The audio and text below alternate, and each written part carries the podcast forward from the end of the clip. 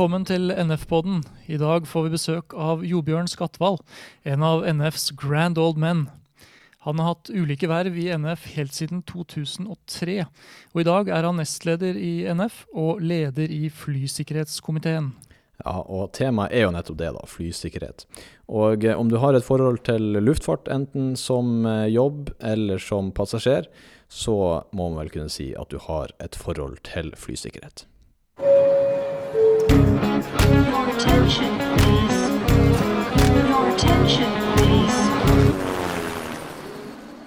Leder i eh, flysikkerhetskomiteen, Jo Bjørn Skatval, velkommen til oss. Takk skal du ha. Du Kan du først av alt bare fortelle litt om fly flysikkerhetskomiteen? Ja, det er jo noe som har fulgt oss eh, ja, så lenge Norsk Flygerforbund har eksistert. Eh, I hvert fall siden 1977 så har vi hatt en flysikkerhetskomité som har tatt eh, vare på de interessene som er med hensyn til å ta ja, alt som gjelder flysikkerhet og sikring, for å si det på den måten. Det er engelsk da, 'safety and security'. Eh, Det er mange elementer der som er viktige å etterse at ting skjer sånn som det skal eh, skje, og ikke minst at vi kan være med på en utvikling der til bedre sikkerhet. Hvordan, eh, altså, hvordan er dere organisert? Vi har jo snakka med, med Ikom tidligere, og hvordan de er delt opp i sånne eh, arbeidsgrupper. Da. Hvordan ser det ut i, i FSIC? Ja, Norsk Flygerforbund har jo egentlig to moderorganisasjoner her. Vi har både LO, men også IFALPA, som vi har eh, vært med å starte opp eh, og vært med i alle de ti år. Vi speiler egentlig IFALPA hvordan det er bygd opp med sine komiteer. Flysikkerhetskomiteen er jo satt sammen av flere seksjoner. De har et eh, veldig stort spenn i fagområder, og det går fra det ene som har med analyser av eh, ulykker, flyulykker, og ikke minst å forebygge flyulykker, og være med å eh, hjelpe de enkelte havarikommisjonene med eh, å investigere, som det kalles. Vi har noen som er accredited investigators som er med på det. Vi har AGE, som er en seksjon som tar for seg aerodrome, drone environment, altså alt som har med flyplasser å gjøre rundt omkring der. Og ikke minst det har god kontakt med f.eks. største flyplasseieren i Norge, som er Avinor. Så det er veldig tett samarbeid der, og, og påser at både merking og alt sånt skal være korrekt.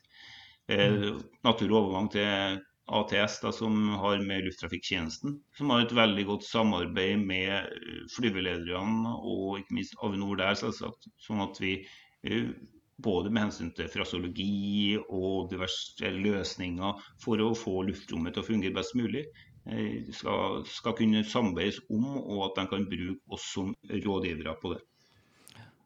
Jeg tenker på Luftfarten Mm. er jo utrolig, utrolig trygg. Flysikkerheten er jo veldig, veldig høy. Noe, ser dere noen trender? Eh, Jeg tenker litt på at det har annet det med maksen og sånn, om det er et tegn i tiden. Ja, vi kan jo si det at eh, det har blitt avdekt i det siste siden 1977, hvor det var helt eh, naturlig at eh, da var det mye tekniske feil. Og eh, flyfabrikantene og helikopterfabrikantene har jo jobba mye med det og kommet opp på et nivå hvor eh, de tekniske feil har blitt redusert til et minimum på en helt annen måte enn hva det har vært før. Så har du det at du får inn software eh, og the human interface, altså eh, pilotene, at eh, vi skal være med i eh, å forstå den automatiseringa som skjer. Og Det er det som kanskje har skjedd med Boeing her, både med utviklinga av systemene og ikke minst at det ikke har blitt sørga for at pilotene forstår det godt nok.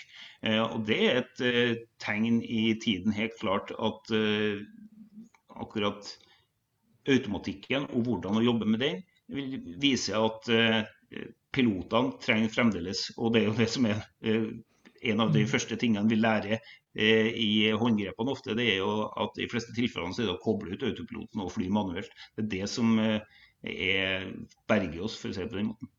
Mm.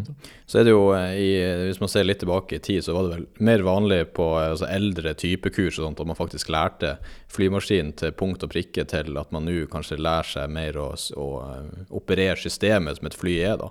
Og at man ikke kan flymaskinen så godt man kanskje kunne for eh, 20-30 år tilbake. Er det noe trussel i noe sånt? Ja, det er jo selvsagt det Ja. Hvis du overlater alt til automatikken og, og så sier at ja, det lyset der, når det lyset kommer på, så skal jeg kunne gjøre det. Men problemet er hvis det kommer flere lys på samtidig. Eh, Hvordan skal du da prioritere? Hvordan skal du prioritere hydraulikken kontra elektronikken f.eks.? Alt eh, det viser at det er veldig behov for innsikt i det tekniske allikevel. Og det i tillegg til at du òg skal være en litt IT-konsulent, eh, gjør at eh, jobben for en pilot, når ting virkelig drar seg til, ikke har blitt noe mindre. Mm. Hva er jobben til en eh, pilot sånn i framtida? Tror du er det en systemoperatør, eller er det en, en som faktisk sitter og ratter og flyr? Eh, Nei, jeg tror nok i stor grad det vi er en systemoperatør, men eh, problemet er jo at eh, vi fremdeles trenger datakonsulenter eller datareparatører. Så Før eller senere så vil det være en feil. og Da vil vi gjøre, skal vi begynne å reparere den datafeilen opp i lufta, eller skal vi bare overta og begynne å fly. Og Det krever jo selvsagt at det er visse manuelle ferdigheter i flyginga til piloten. Så selve pilotferdighetene tror jeg nok ikke kommer til å gå ut på dato. Eller håper at de ikke skal gjøre det. Er det noe i, i komiteens arbeid nå for tiden? Og så kan du nevne litt om hva dere jobber med akkurat nå? Ja, nå jobber vi egentlig med mye, men særlig opp den eh, ja, restarten etter covid-19. Vi må bare se litt framover. Det kommer til å være mange utfordringer på opptreninga der. Mange er rusten.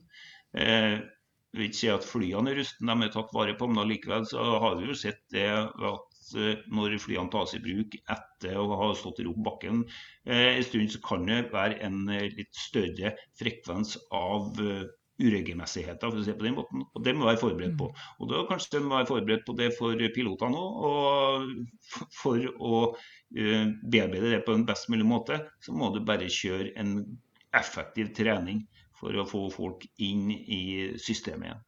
Så, så helt klart, eh, covid-19 er en utfordring, ikke bare på det økonomiske, men også på det sikkerhetsmessige.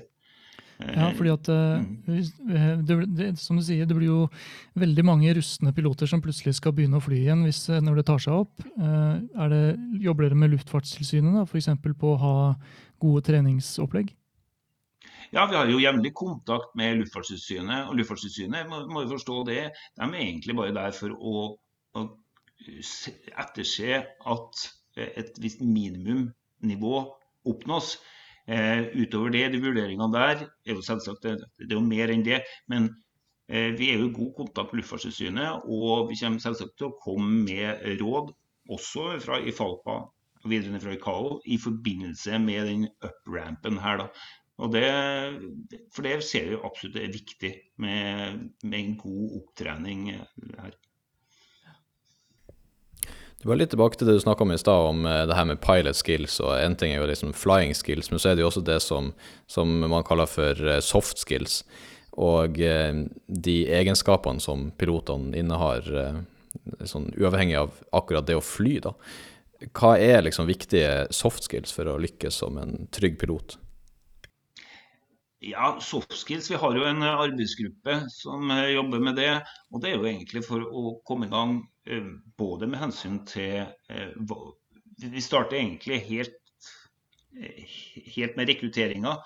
Hvem er det som ønsker å bli pilot? Hva kan de forvente seg av yrket både nå og kanskje i fremtida? Eh, og det er akkurat de soft skillsen der som ikke ikke er tenkt på i de harde kravene til Luftfartstilsynet for å få et sertifikat, men altså de andre tingene. hva kan du forvente hvordan bør du kanskje være som person, hva skal du være forberedt på, og ikke minst det med eh, Vi vil jo bistå med eh, seleksjonsproblemer. Sant? Det vil være hvem er det som passer til å bli piloter i framtida. Det kan eh, være noe som vi bl.a. snakker med Universitetet i Tromsø rundt, og, og problematikk rundt der. Så pilot soft skills det er, det er et veldig stort felt som vi føler er litt upløyd mark. Og vi vil sammen med operatørene og myndighetene eh, selvsagt klare å få utvikla det i mye større grad. Mm. Når man eh, rekrutterte flyskolene, så er det vel eh, i hvert fall Mitt inntrykk er vel at det har vel ikke vært kanskje veldig mye fokus på det her med soft skills som man har, har eh, gitt folk studieplasser. da. Er, er du enig i det? Ja, men det, det har ikke vært noe krav heller. Nå er det jo, Du har jo skoler på universitet, du har eh, fagskoler. og alt der så er det jo her mer et fokus på at her skal folk bli piloter og bestå de eh, statiske kravene som kommer ned fra EASA og standardisere der, de medisinske kravene. Og, og foruten det så er det ikke noe egnethetsintervju i den stor grad som er noe standard. Og det, på, på lik linje med mange andre yrker, så hadde det kanskje vært en fordel å ha et sånn egnethetsintervju, tror jeg nok. Ja, for ikke det òg litt, litt ansvar som ligger på flyskolen òg, for at de som de sender ut i andre enden, burde jo ideelt sett i hvert fall vært rekruttert på en sånn måte at de har en realistisk mulighet å få seg en jobb på andre sida. Om ikke de har et visst ansvar for å faktisk sile ut de som kanskje ikke har de rette forutsetningene for å få en flygerjobb. Ja, problemet er jo om det er flyskolene som skal ha det ansvaret. For det er jo egentlig å si nei takk til kunder, eh, for å være litt kynisk. Eh, jeg har jo god kontakt med rekrutteringsansvarlige i ulike flyselskap, og det er jo det at det jo, de, de, ser jo helt klart det at både at folk har brukt så lang tid på utdanning og kanskje ikke passer inn, det er både et svik mot dem enkelte, men også selvsagt mot eh, den som finansierer det, både foreldre eller til og med noe statlig. Så der må vi inn. og Det er også noe vi holder på å jobbe opp eh, i samarbeid med departementet på, og har hatt noen møter med dem om. En annen ting er vel eh, altså på flyskolen så har du, Når du begynner på flyskolen, så har du jo tre år eller mer foran deg til å prøve å jobbe med dine egne pilot soft skills. da i så fall. Så en idé vil jo så, vil kanskje være å ha det som et fag, kan du si. At de må trenes opp på å de, få de riktige holdningene som, som bransjen trenger. Ja, helt klart, og det er noe vi ønsker å få til. Men det som blir etter hvert, at da begynner det å bli såpass mye studietid som går med her, at eh, vi kommer til å komme opp på et mer krevende studie. Kanskje et, at det vil nå et uh, høyskolenivå. Uh, og, men det tror jeg vil være å slå to fluer i ett smekk. For etter hvert så kan en kanskje finne ut at det ikke er alle som passer til å bli den type pilot, men den kan passe til mye annet. Og ikke minst det vi mener er at med et sånt eh, ja, høyskolenivå, så vil du bli en eh, safety professional. Du har veldig mye peiling på eh, risk management og, ikke, og trusler, hvordan vurdere det, og hvordan å ta tiltak der, emergency response. Alt det der vil være noe som eh, ikke bare flyselskap, men også andre og samfunnet også vil ha nytte av å, å bruke hos de enkelte personene der. Mm. Ja, jeg bare tenkte på at det var eh, dersom, eh, dersom potensielle piloter skal få et nei allerede så tidlig pga. en evaluering, altså at det kanskje var veldig synd og, og mange ressurser som blir bortkastet da, hvis de blir hvis de blir diskvalifisert uh, før de i det hele tatt får sjansen. Ja, nei, det, det er klart. Og, og, det kan jo være fristende at vi kanskje skulle hatt et grunnfag i luftfart, også for dem som skal uh, eventuelt ønske å bli flyveledere, dronepiloter, uh, ja, flyteknikere eller piloter. Og da kan en gjennom et sånt uh, grunnår finne ut litt uh, hva som passer. For det er helt klart det er en modningssak hvordan du passer inn i luftfarten og en operatør der. Men vi trenger aktive operatører, og i hvert fall sånn som Avinor og Samferdselsdepartementet har sagt med sine intensjoner. og så vil jo ikke bli mindre piloter hvis det, det er elfly med 20 setere som skal fly rundt omkring, selv om ikke med, bare med halve Eh, kapasiteten ellers, så vil det bli behov for veldig mange piloter. Ja, Der eh, drar du opp av hatten et, nok et interessant tema i forhold til med elfly. Hva er framtida der, eh, sånn som du ser det? det? Da har vi en seksjon som heter Aircraft Design and Operations, som jobber med, med det. Og det vil være veldig interessant å se hvordan dette kommer, både med hensyn til hvilken type drivstoff den snakker om, eh, hybridversjoner og ikke minst størrelse. Eh, de fleste er vel, sier vel i hvert fall med dagens teknologi og til og med stund framover, så vil det ikke være aktuelt med transatlantiske flyvninger på, på, fly. Da vil det eventuelt være med zeppelinere, som det var på 1930-tallet. Men elflyene og hydrogenfly det vil ta litt tid å få det fram, vil jeg nok tro. Sertifiseringsprosessene her tar utrolig lang tid, men jeg er optimist på at vi klarer å finne gode løsninger og bærekraftige løsninger. Og det er det vi jobber for. Og ikke minst både med hensyn på det politiske, men også på det tekniske, så vi får best mulig tekniske løsninger og flyoperative løsninger for å, å, gjør gjøre veien bred for eller rullebanen bred for elfly eller tilsvarende. Den eh, covid-krisen vi står oppi, ser du for deg at den eh, gir et insentiv til å snu seg rundt litt raskere, eller tror du mer det er en, en en liksom forsinkende faktor i at eh, flyselskapene og flyoperatørene og utviklerne ligger med litt eh, brukket rygg sånn økonomisk? Ja, både økonomisk og, og motivasjonsmessig nesten eh, ligger de litt med brukket rygg. For at eh, det vil først og fremst være å ta vare på sin, den industrien som er nå. En tenker ikke på så veldig mye på forskning og utvikling akkurat eh, sånn som situasjonen er nå. at Det kan ikke vi forvente. heller. og vi ser jo både Avinor og Luftfartstilsynet er jo involvert i litt i forskning og utvikling, men problemet er jo at Avinor ikke minst skal gå gjennom en innsparingsprosess. Og Luftfartstilsynet òg vil få eh, mye jobb over seg, ikke minst når vi begynner å regne opp antall operatører som, eh, som skal operere her i, når coviden er over. Mm. Det er også en annen type piloter som du har vært innom så vidt. Det er jo de som ikke beveger seg i lufta, men de som står igjen på bakken, altså droneoperatører. Hvordan, hvordan type flysikkerhetsutfordringer står droneoperatører og den bransjen overfor? Ja, der har vi òg en seksjon som heter UAS, altså Unmanned Aerial Services. Og Grunnen til at den kalles unmanned, er jo ikke Vi kunne kalt den remote piloted, men unmanned og kjenner i at uh, automatiseringa vil komme så langt at vi vil ha ja, luftfartøy som flyr av seg sjøl, og som er ferdigprogrammert. Det er jo selvsagt en trussel mot ja, både mot de dronene som er styrt, men også selvsagt mot bemanna cockpit. Vi må dog ikke være redd for eh, sånn nyheter for å si det på den måten, innen luftfartsbransjen. og Det er derfor vi har oppretta Dronepilotforeninga, for å ta vare på dronepilotene og ikke minst eh, få dem litt inn i tankegangen med sikkerhetskultur. Hvordan bygge en sikkerhetskultur. Det er ikke så enkelt, i hvert fall ikke i et enkeltpersonsforetak. Eh, hvordan du skal få bringt det videre med både med rapportering, alt sånt som der er, og ikke minst å få en evaluering hvis du gjør noe feil. Så det, det, er et fokus vi har framover. Både å bygge opp den industrien og samtidig påse at det skal være en sikker utvikling av droneindustrien som ikke utgjør en fare for resten av luftfarten. Og Der er vi jo på god vei, men det er en bransje som er, har en eksplosiv vekst.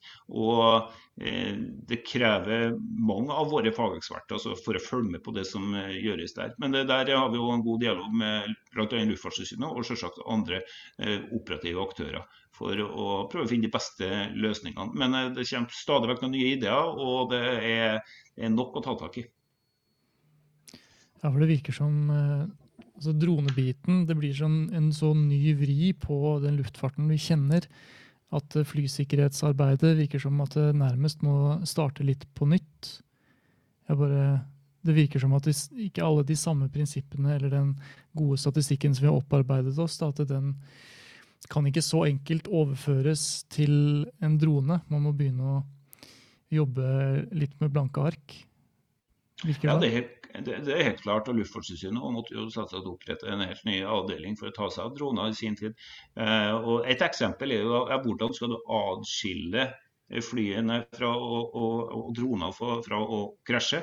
Vanligvis er det, ja, de kan holde forskjellige høyder. Men eh, en, i fly så bruker du en trykkhøydemåler som går på det aktuelle trykket. I droner så bruker de jo GPS-en for å ha høyden, og det vil gi forskjellige høyder som gjør at nei, det er ikke så enkelt å bruke det som adskillelse, for de har forskjellige kilder. Det er ett av eksemplene på det som eh, en må tenke om når en skal inkludere eh, altså særlig droner inn i eh, luftfarten og det luftrommet som eksisterer. Da. Eller kanskje en må finne på et nytt luftrom, og det er òg noe det snakkes om.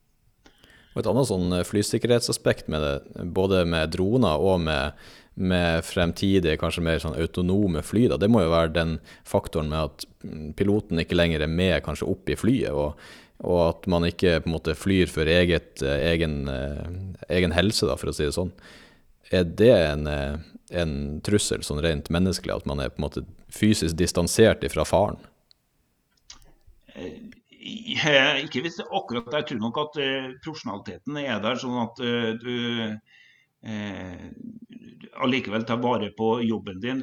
Problemet er jo mer det som vi sier du har kanskje, du har kanskje forsinkelse, og særlig når vi skal inn på en enda en av de seksjonene som vi har, da, som er etter security, så er det akkurat signalsikkerheten mellom der. Hvis den signalet scrambles eller ødelegges på en eller annen måte, så har du eh, kanskje ikke kontroll med det flyet. Og så kan du alltid si at det kan være automatikk i flyet som gjør at det da kan lande av seg sjøl. Men Eh, da er jeg tilbake til med automatikken og hvor lenge det kan fungere eh, uten feil. Det stiller jeg meg mer spørsmål til. Men jeg tror nok at eh, får du en oppgave, så gjennomfører du den. Og jeg har ikke sett noen studier, bl.a. De sitter jo i ørkenen i USA og styrer dronene i Afghanistan. Men det, de gjør det med like stor profesjonalisme som egentlig om du skulle sitte i flyet. Dronefaren for luftfarten, i hvert fall de store flyene, er jo ikke så stor, med mindre det er helt på siste biten, altså final approach. For ellers så flyr de jo på såpass forskjellige høyder. Men uh, historien der er kanskje litt annerledes uh, for helikopter? Ja, helt klart. Og jeg kan bare si at hvert ubevisst uh, droner, dronevirksomhet som kommer inn i luftrommet, er vel ikke så stor fare. Men vi har jo ser bl.a. på Heathrow og Gatwick hvordan bevisst dronebruk for sabotasje kan være en klar trussel. Eh, når vi kommer over til innenlandshelikopter, eh, som vi kaller dem som vi deler opp i offshorehelikopter og innenlandshelikopter. Innenlandshelikopter består jo både av eh, ambulanse, ja, politi, men også særlig aerial work, da, den som jobber med å lempe høyspentmaster og, og fly dem ut i terreng, f.eks. Eh, og her er jo dronene helt klart en, en kan være en trussel da, hvis ikke dialogen er bra nok der. Eh, og særlig innenfor innenlandshelikopter er det jo en forhøya eh, sjanse for ulykker.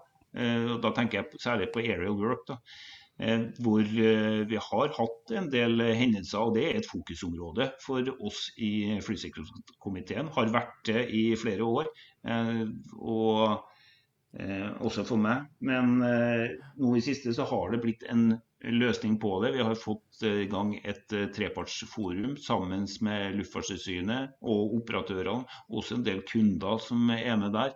Som eh, vi håper da at vi kan eh, få redusert ulykkesfrekvensen som er for innenlands helikopter. For det er helt klart et nivå som vi ikke kan være bekjent av i Norge. Er det, er det så enkelt som å sette på en transponder? På... Ja, du mener med droner. Vi har ikke hatt noen dronerelaterte ulykker der ennå. Men, men, selvsagt å sette på en transponder på, på eh, dronene kan være én av flere løsninger. Eh, så vil det dra en del strøm, og de kan være, gjøre dem tyngre. Men det er jo et praktisk problem for selve droneoperatørene. Men eh, så har vi jo det at helikoptrene heller ikke har noe eh, på samme måte som vi har i, i, hvert fall ikke ruteflyene, en sånn TICAS, altså et, et system mm. som forteller deg om du kommer i nærheten, og at du, du faktisk gir deg ordre om å svinge unna. Eh, og Det kan jo være det er jo veldig greit i 33 000 fot, men i, eh, ja, hvis du kommer av gårde i 150 knop i eh, 200, meters, eh, 200 fots høyde, så er jo ikke akkurat det det beste det heller. At det kommer noe unnastyring der. I hvert fall ikke med litt lavt skydekke, så, så vil det fort kan gjøre, gjøre en, en krisesituasjon faktisk enda verre. Men eh, det er jo selvsagt noe vi, skal, vi jobber med, og både vår US-seksjon og helikopterseksjon er jo tett samarbeid for å finne løsninger. Bl.a. sammen med Luftfartstilsynet om hvordan en kan eh, forebygge eh, hvert fall hendelser av droner versus helikopter. Vi kunne jo snakka i timevis om det her. Det er jo ekstremt interessante temaer i alle aspekter, eller alle, alle avdelinger av luftfarten. Men hvis man eh, skal liksom summere det litt sammen og se litt framover eh, i forhold til flysikkerhet, da. Eh, flysikkerhet det har jo gått ekstremt oppover de siste årene. Det har jo en, vi har jo, som vi har vært innom, en vanvittig safety record. Eh, ser du den trenden eh, fortsette å gå ned, eller eh, ser du for deg at det ligger noen farer og lurer i horisonten? Ja, eh, Som en eh, grand old man, da, som du sa til å begynne med, så, så husker jeg en eh, og kanskje flere som husker en skøyteløper fra Trøndelag, eh, Hjallis. Og da Han satte jo stadig vekk rekorder på 500 meter på skøyter. Eh, Og til slutt så spurte jeg ham om hvor fort det var mulig å gå en 500. Og da sa han Nja, jeg vet ikke, jeg. Men det går ikke an å gå på null, nei. Og, og, og, det er jo litt det vi snakker om. Det går ikke an å komme helt ned på det nullnivået. Det er greit å ha det som en visjon, men vi være forberedt på at det skjer ting hele tida. Eh, til og med et sånn som, som romkappløpet, hvor eh, og romprogrammet, da, rettere sagt, hvor det hele tida var fokusert på sikkerhet, sikkerhet, sikkerhet, og de hadde all verdens penger til å ta vare på det, så kan du aldri garantere deg for at det skjer noe feil, eller at det er ja, faktisk slurv. Og så kan du alltids kalle det for en black swan incident.